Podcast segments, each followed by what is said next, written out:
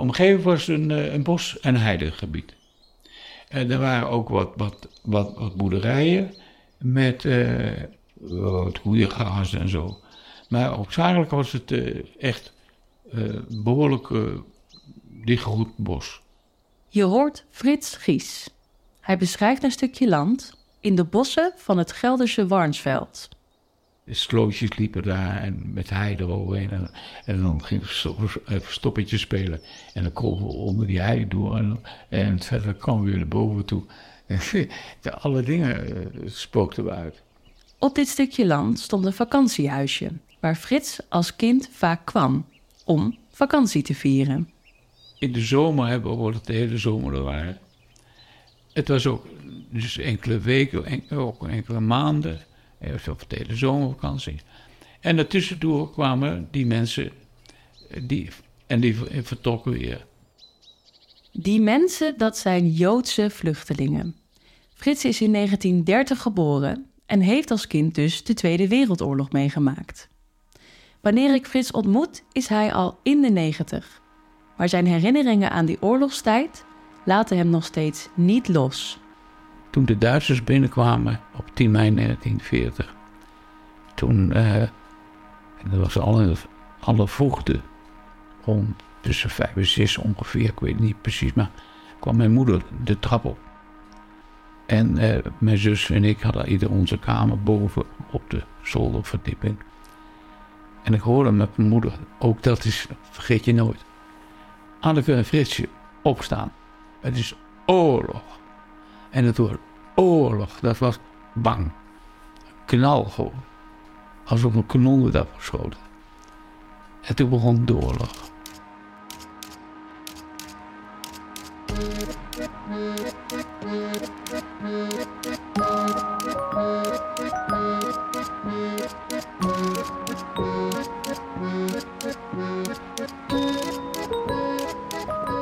Je luistert naar Als muren konden praten, een podcast van het Nederlands Openluchtmuseum in Arnhem. Dit is aflevering 1, een huisje in het bos.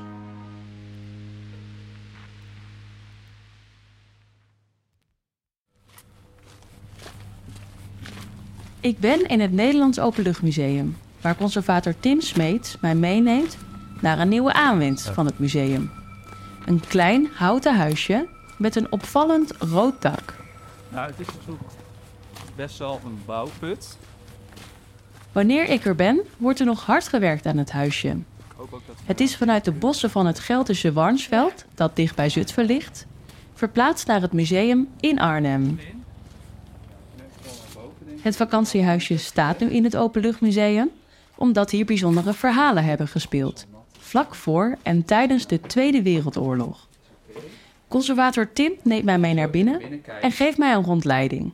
Hier links, dat is, uh, is eigenlijk de woonkamer van het vakantiehuisje. Ik zal het weer wat verder open doen. En dan uh, hier, uh, hier het bidden. Daar stond, stond een mooie ronde tafel. zonder stoelen omheen. Eigenlijk alle, alle meubels hier waren, waren eikenhout, donker eikenhout. En nou goed, er stond, in het interieur stonden allerlei losse voorwerpen. Er stonden ook rode meubels in. Heeft te maken met de politieke kleur van, de, van de familie, waar komen we zo, komen zo over te spreken. En, uh, het ja, vakantiehuisje waar ik doorheen loop is hetzelfde vakantiehuisje als waarover je in het begin van deze aflevering hoorde. Ondanks de ramen is het binnen donker en het huisje is klein, maar handig ingedeeld. Op de begane grond is een klein halletje, een woonkamer, een keuken, een wc en een slaap-slash-studeerkamer. En er is nog een verdieping. Kijk, want het is nog een beetje onder constructie. Je kunt ook door de uh, vloer heen kun je de... de oh ja, ja. Dus kijk goed uit waar je... Oké. Okay. Laten we er niet doorheen zakken. en uh, nou, dit vinden we, vinden we slaapkamers. En we weten dus eigenlijk dat er heel erg spullen waren. En het komt dus ook, als je hier van voor wolk loopt, het heeft het, het huisje zelf heeft ook een beetje iets weg van... Het is niet een, een standaard vakantiehuisje zoals je die nu kent. Maar het is, het is, je zou misschien meer een soort van vissershuisje tegen kunnen komen. Bijvoorbeeld langs het IJsselmeer als je er fietst. Uh, Uh, je ziet, het is een, een zwart huisje, het is zwart geschilderd hout. Hollandse dakpannen erop. Het is niet een bungalow, zeg maar. Nee. Het is wel knus. Het is best wel klein. Ja, het is heel klein. Ja. Zullen we nog heel veel beneden kijken? Ja. Misschien kunnen we nog iets meer zien van, uh, van het huisje. Het is heel klein. Het huisje is gebouwd door de vader van Frits Gies, die voor de verwarring ook Frits Gies heet. Vader Frits Gies en moeder Annie de Haas wonen met zoon Frits en zijn zus Anneke in Zutphen. In 1936 liet vader Frits dit vakantiehuisje bouwen, zodat het gezin in hun vrije tijd kon ontsnappen aan de drukte van de stad en tot rust kon komen in het bos. En dat was best bijzonder, want in die tijd zag je nog helemaal niet zoveel van dit soort vakantiehuisjes. Tim en ik zoeken een rustig plekje op, zonder bouwherrie, waar ik hem vraag hoe ik de jaren 30 voor me moet zien. Nou, we hebben het over het einde van, uh, van de jaren 30. En uh, de jaren 30 zijn natuurlijk uh, in Europa, vooral ook in Nederland, een hele broeierige, is een hele broeierige tijd. En um, in Warnsveld, wat natuurlijk ja, betrekkelijk dicht bij de, de Duitse grens ligt, voelden voelde mensen ook dat het, dat, het, dat het spannend werd. Dus dat de, ja, de onderdrukking van Joden in Duitsland, dat dat toenam. Dat er ook vluchtelingen uit Duitsland kwamen. En eind jaren 30 ging er echt wat in de lucht. Dus het, het broeide. En het broeide ook in Warnsveld. Dus de familie die zelf in, in Zutphen eigenlijk hun, hun huis had en, en, daar ook werkte en daar een, een leven had. vrouw die werkte, die had een ijsbedrijf. Uh, vader die, had een, um, die was, juridisch adviseur. En zij werkte daar, ze hadden, ze hadden een gezinnetje. En um, in, de, in de tijd dat ze, dat ze vrij konden hebben, en gingen ze, gingen ze in het bos in Warnsveld vakantie vieren. En wat deden ze daar dan? Het was echt een plek om, om, om terug te trekken. Dus om, om van, het, van, het, van het bos te genieten. En voor vader had het helemaal, uh, voor Frits uh, was het helemaal belangrijk om daar naartoe te gaan, omdat hij aan uh, tuberculose leed. En tuberculose was een, is een ziekte die in die tijd slecht te behandelen was. En eigenlijk wat, wat, wat gewoon voorgeschreven werd was, gaan we gewoon op een plek waar het rustig is, waar je van de zon kan, kan genieten. Ga je lekker daar, ja, trek je daar terug. En um, dat is ook wat hij daar deed. Dus er was, een, was eigenlijk een soort lichtbed was er ook bij het huis. En die werd soms ook buiten gezet. En dan, um, dan gingen ze daar eigenlijk ook gewoon echt uh, ja, van de rust genieten. En hij dus herstellen van zijn ziekte. En wat voor man was vader Frits Gies?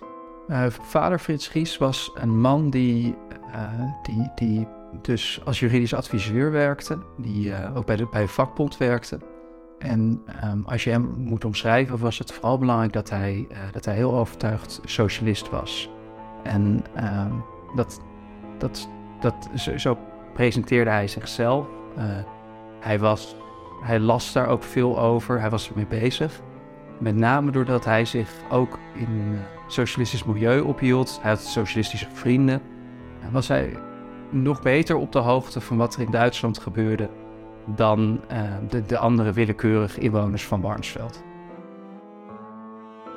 Wat belangrijk is om te vertellen is dat uh, die broeierigheid van de jaren 30 voor, voor veel mensen eigenlijk tot uiting kwam. En dat mensen zich ook in aparte groepen gingen ophouden. Dus je had mensen die communist waren, die, die socialist waren. Nu is het zo dat niet heel Nederland zich tot een uh, bepaald niche of tot een bepaald hoekje liet uh, daarin opging. Maar in het geval van Frits Gies was dat wel zo. Dus de vrienden en de mensen om hem heen waren ook socialisten. En uh, de mensen die dus bij hem op bezoek kwamen, die, uh, die in, ook in het vakantiehuis soms verbleven, die dus in, in de benedenslaapkamer vaak sliepen, die, die, waren van die behoorden tot dezelfde school, om het zo maar te zeggen. Ja, Frits Gies reisde ook. Die ging ook wel de grens over. En um, hij, had, hij, hij las erover, dus hij las ook socialistische boeken van, uh, van, van, van Duitse, Duitse socialistische geleerden die eigenlijk een soort maatschappijkritiek schreven. En um, hij, hij las dat. Hij had het ook thuis. Hij had het ook in de vakantiewoning. Daar waren, waren boeken over het socialisme. Zij was er heel erg mee bezig. En wat, wat ook wel uh, leuk is om daarbij toe te voegen, is dat, uh, dat, dat het rode, zeg maar, waar de familie dus eigenlijk voor stond. Hè. dat het ook terugkwam in het interieur. Dus er was heel veel rood. De, de, de, zitstoelen die waren rood. En dat had dus als reden de socialistische kleur van de familie. Dus dat kwam eigenlijk ook nog zo tot uiting in de woning zelf. Vader Frits Gies houdt de politieke situatie in buurland Duitsland dus goed in de gaten. Hij leest boeken over het onderwerp en debatteert erover met zijn socialistische vrienden. Om meer te weten te komen over de jaren 30 en de verschillende politieke stromingen die er dan zijn, spreek ik journalist en historicus Rob Hartmans. Want wat is nu precies het verschil tussen de nationaal-socialisten, die in de jaren 30 in Duitsland in opkomst zijn, en de Sociaaldemocraten, waartoe Frits Gies behoort? Beide stromingen bevatten het woord sociaal, maar ze zijn wel degelijk heel verschillend. Um, ja, nou dat is op zich een ingewikkeld, een lang verhaal. Uh, kijk, socialisme kwam op in de, in de 19e eeuw. En socialisme betekende eigenlijk, uh, het was tegen het kapitalisme, tegen uh, dat de productiemiddelen, dus fabrieken, de grond, grondstoffen, et cetera, in handen waren van kleine elite van, van, van rijke mensen. en een elite die steeds rijker werd. Terwijl dat het zogenaamde proletariaat, mensen die geen bezit hadden, die, die hadden niks en die, hadden, die waren straatarm. En die hadden ook geen rechten. Want je was als arbeider ook volstrekt rechteloos. Je kon er elk moment uitgeschopt worden. En als je werkloos was of niet in staat was om te werken, omdat je ziek of arbeidsongeschikt was, had je geen uitkering. Uh, de arbeidsduur was niet beperkt, dus mensen werkten 12, 14 uur. Er was geen wettelijk minimumloon. Dus nou allemaal uh, arbeiders waren uh, volstrekt rechteloos. Hadden ook geen kiesrecht over het algemeen.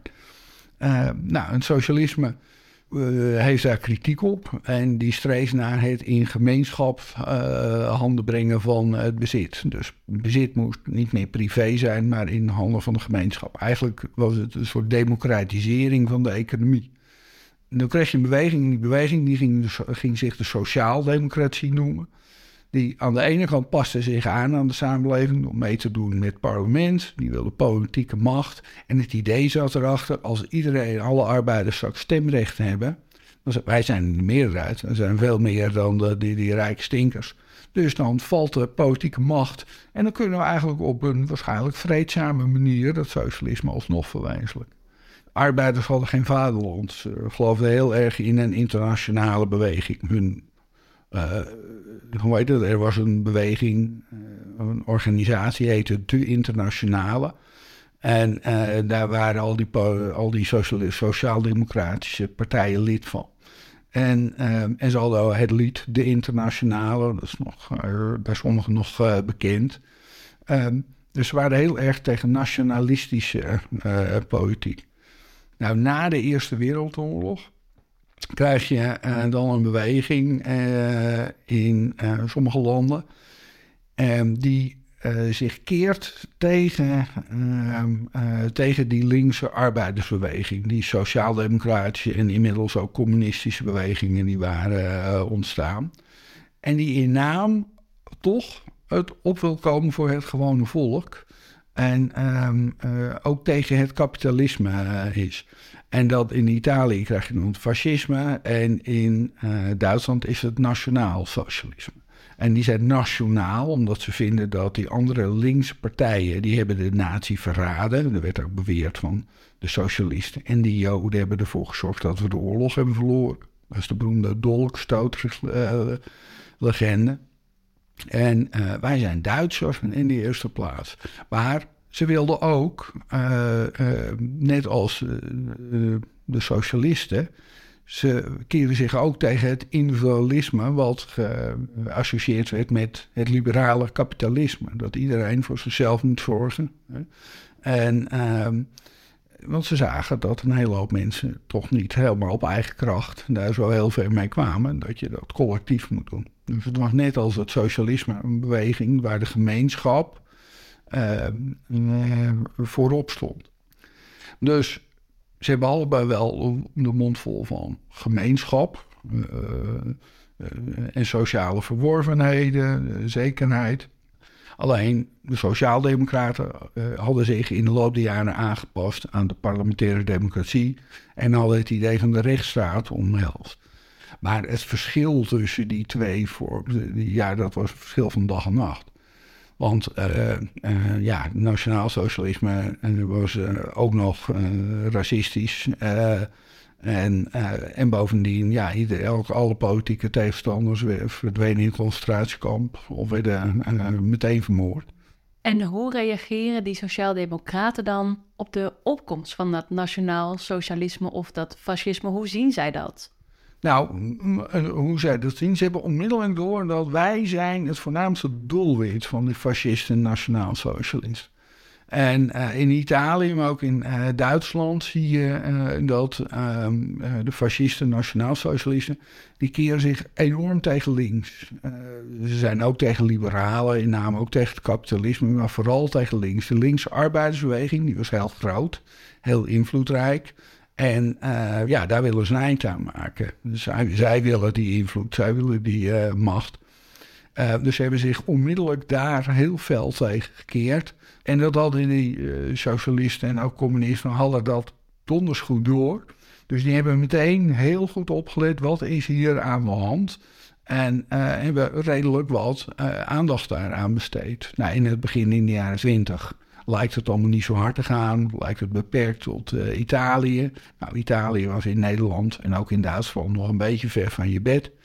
Um, in Duitsland in 1923 mislukt die koep van Hitler een poging tot staatsgreep in München. Nou, dat wordt niks. Uh, dus dan lijkt het gevaar daar een beetje geweken. Maar als met het uitbreken van de economische crisis, die dus eind 1929 begint, en vooral in de jaren 30, 31 enorm effect begint te hebben met massale werkloosheid, loonsverlagingen en dat soort dingen dan uh, komt dat, uh, krijgt het nationaal socialisme in Duitsland een enorme boost. En ja, Nederland uh, ligt naast Duitsland. De SDAP, de, de Nederlandse Sociaaldemocraten, waren heel erg op Duitsland georiënteerd. Dat was een grote broer, dat was het grote voorbeeld. De grote zus, de zusterpartij werd dat genoemd.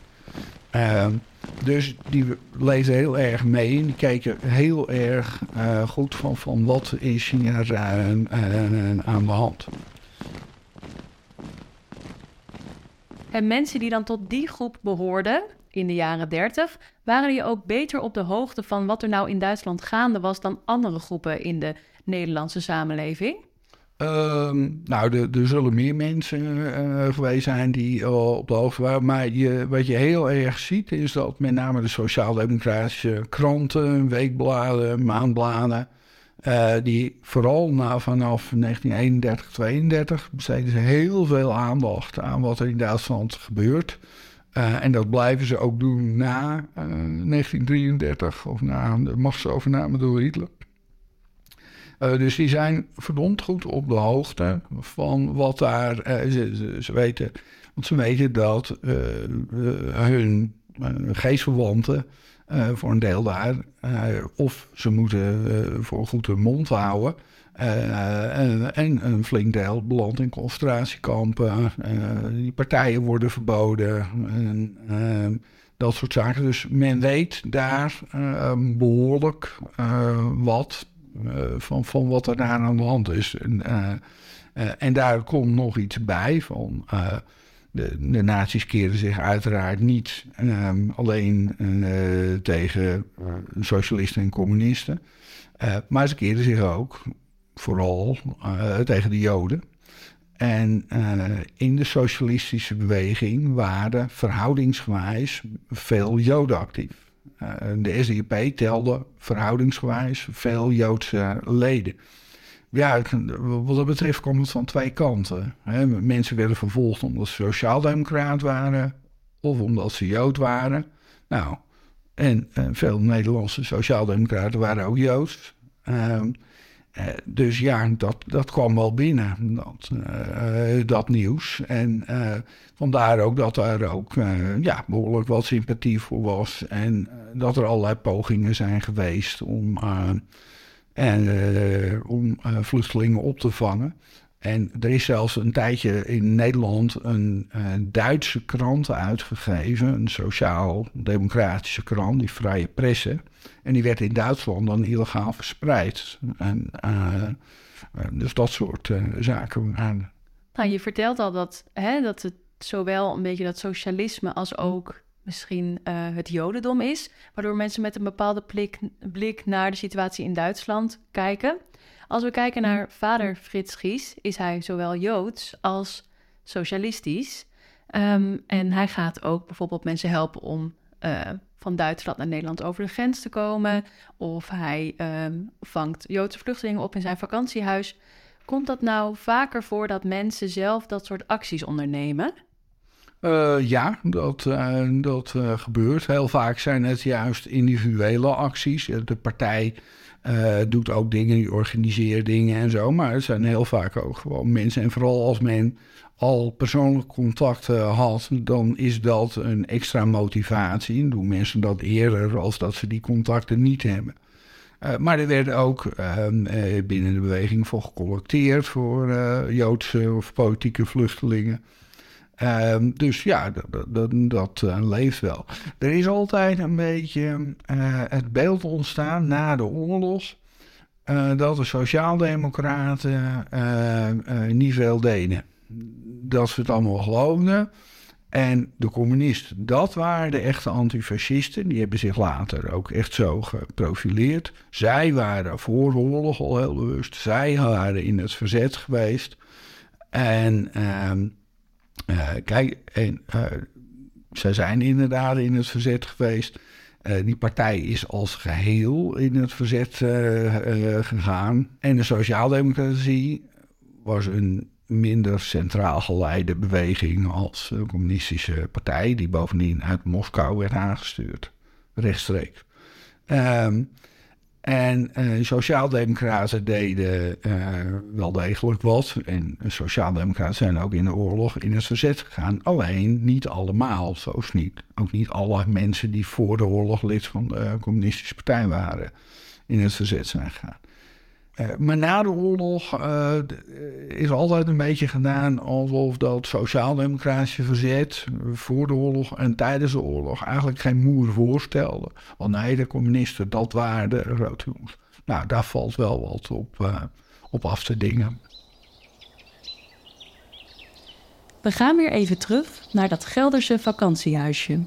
En terug naar de jaren dertig waar vader Frits met zijn vrienden de opkomst van het nationaalsocialisme bespreekt. En een van die vrienden, dat was Herbert Drilsma.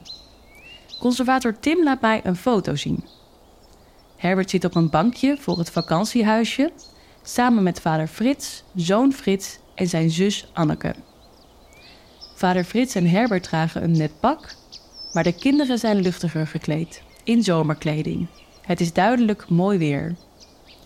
De vier geportretteerden lachen naar de camera, alsof ze nog niet weten wat hen te wachten staat. Maar wij weten dat wel. Zo weten wij dat Herbert als verzetsman de oorlog niet zal overleven. Aan conservator Tim vraag ik waarom dit een bijzondere foto is.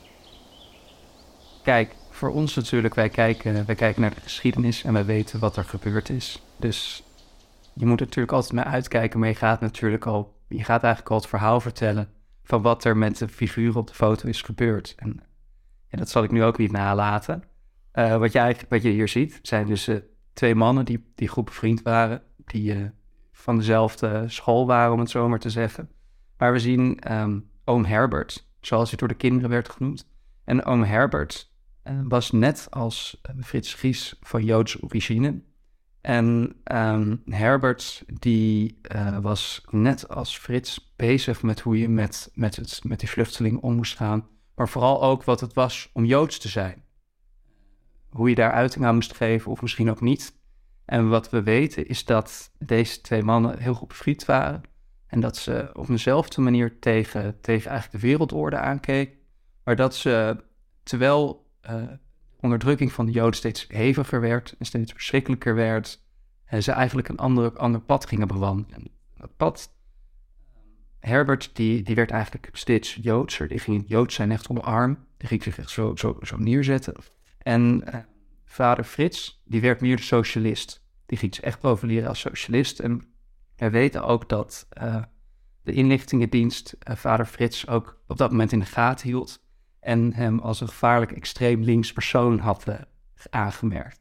Dus dat is de Nederlandse inlichtingendienst? Ja, inderdaad. Ja. Ja, want we hebben het nu nog over de situatie in de jaren dertig. Ja.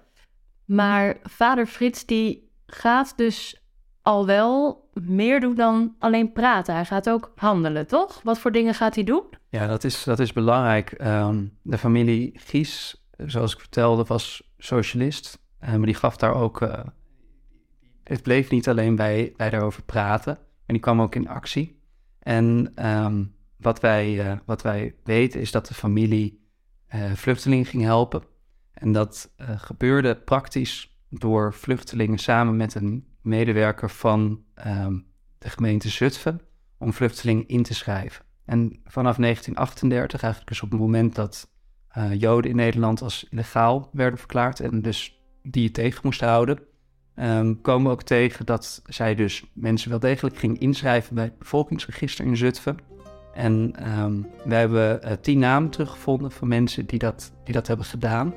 En in veel gevallen bij die tien namen zit er ook nog een familie bij. Dus die mensen die kregen dan op hun. Uh, die, die kwamen uit Zutphen, of die waren in Zutphen. Zo, zo stond het dan in hun, in, hun, uh, in hun legitimatie. En doordat dat zo was, konden zij verder reizen. Want wat ik net vertelde, in principe moest je dus teruggezet worden, moest je teruggezet de grens over worden. Maar doordat zij ingeschreven stonden bij het bevolkingsregister in Zutphen, konden ze uh, betrekkelijk makkelijk uh, doorreizen. Conservator Tim ligt al een tipje van de sluier op hoe de familie Gies mensen gaat helpen, die uit Duitsland vluchten om aan het naziregime te ontsnappen. Maar hoe ze dat precies doen en wat het vakantiehuisje in Warsveld daarmee te maken heeft, hoor je in de volgende aflevering. Dat is dus dat is eigenlijk het, het waanzinnige contrast. Dat het dus een vakantiehuisje is, dat het echt gebouwd is om tot rust te komen. Uh, het is, het is een ontzettend gek verhaal. Ja.